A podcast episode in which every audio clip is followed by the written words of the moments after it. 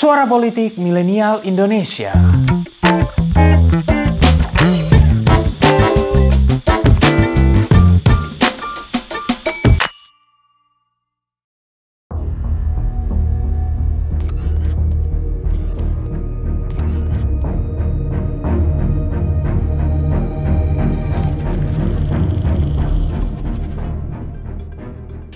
Sebagai perwujudan imajinasi dan keinginannya, manusia melahirkan banyak karya fiksi tentang apa yang bakal terjadi bila kita bertemu alien. Film-film seperti Star Trek, Star Wars, dan Man in Black jadi contoh bagaimana kita bisa hidup berdampingan dengan makhluk planet asing. Tapi di balik angan-angan utopis itu, ada anggapan kalau kita bertemu alien bakal terjadi bencana bagi peradaban manusia. Fisikawan ternama Stephen Hawking misalnya sempat mengatakan kalau kita bakal ngundang bahaya ke bumi bila manusia berhasil mengontak alien. Hmm, benarkah kekhawatiran Mr. Hawking tadi? Apa yang akan terjadi dalam kehidupan umat manusia, katakanlah dalam aspek sosial politik? Inilah peradaban manusia jika kedatangan tamu dari langit.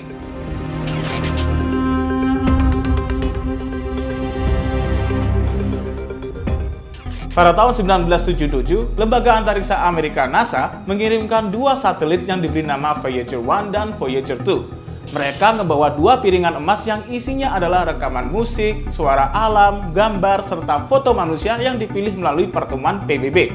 Tujuannya sih untuk menggambarkan keragaman kehidupan di muka bumi. Astronom Carl Sagan yang terlibat dalam peluncuran itu bilang kalau piringan-piringan ini berperan seperti pesan dalam botol yang mengarungi lautan antariksa. Suatu saat mereka akan bertemu dengan peradaban modern lain dan mereka akan tahu tentang keindahan kehidupan di muka bumi.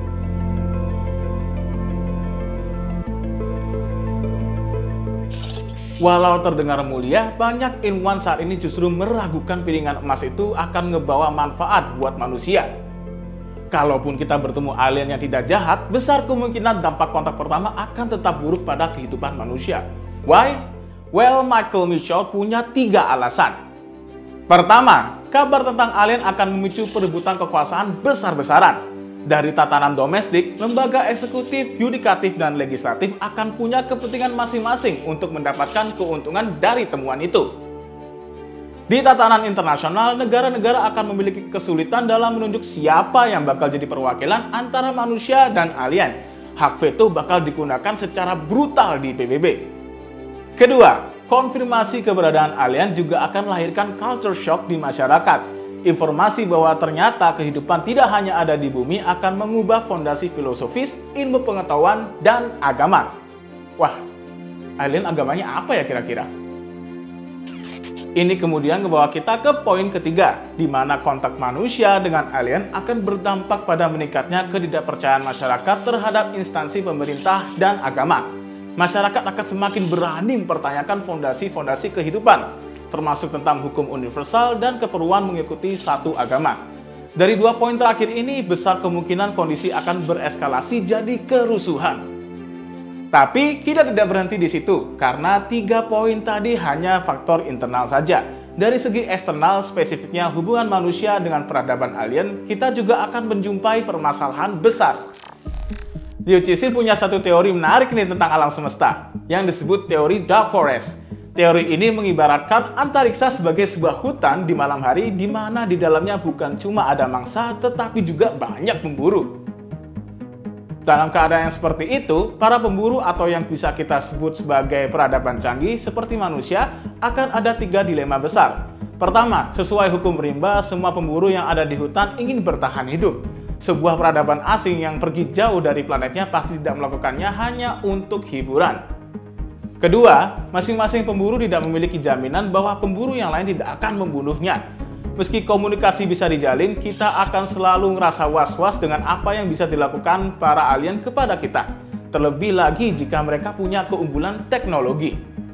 Ini kemudian membawa kita ke poin ketiga, yakni dorongan mengeliminasi potensi ancaman.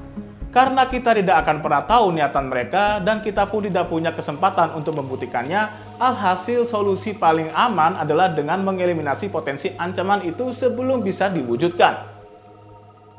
Nah, dari tiga poin ini kita bisa ambil kesimpulan bahwa kontak dengan alien akan menciptakan sebuah bencana politik dan sosial yang besar, terlepas dari apakah alien tersebut bersifat baik ataupun jahat. Dengan demikian, langkah yang paling tepat sebenarnya bisa dimulai dengan berhenti mencari keberadaan mereka.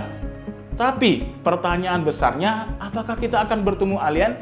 Well, kalau mengacu pada kalkulasi matematis dalam teori Drake's equation, sebenarnya alien dipastikan eksis itu karena lokasi heliosentris yang memungkinkan terciptanya kehidupan di bumi bukanlah sesuatu yang unik.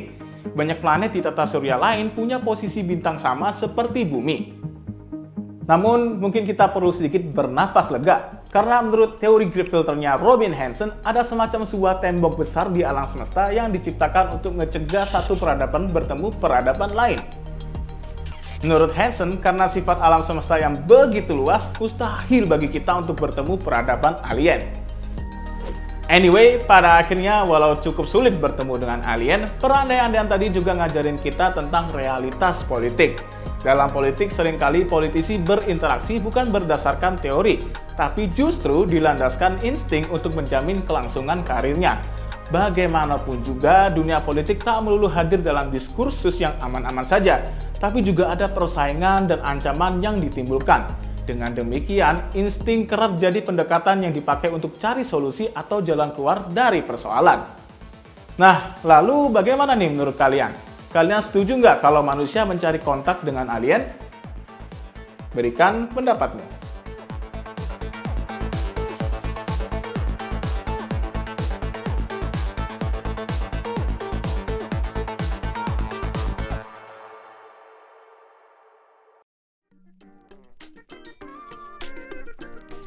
Terima kasih telah mendengarkan episode kali ini. Nantikan episode-episode selanjutnya dan jangan lupa untuk kunjungi pinterpolitik.com untuk dapatkan informasi seputar fenomena politik di Indonesia. See you next time and bye-bye.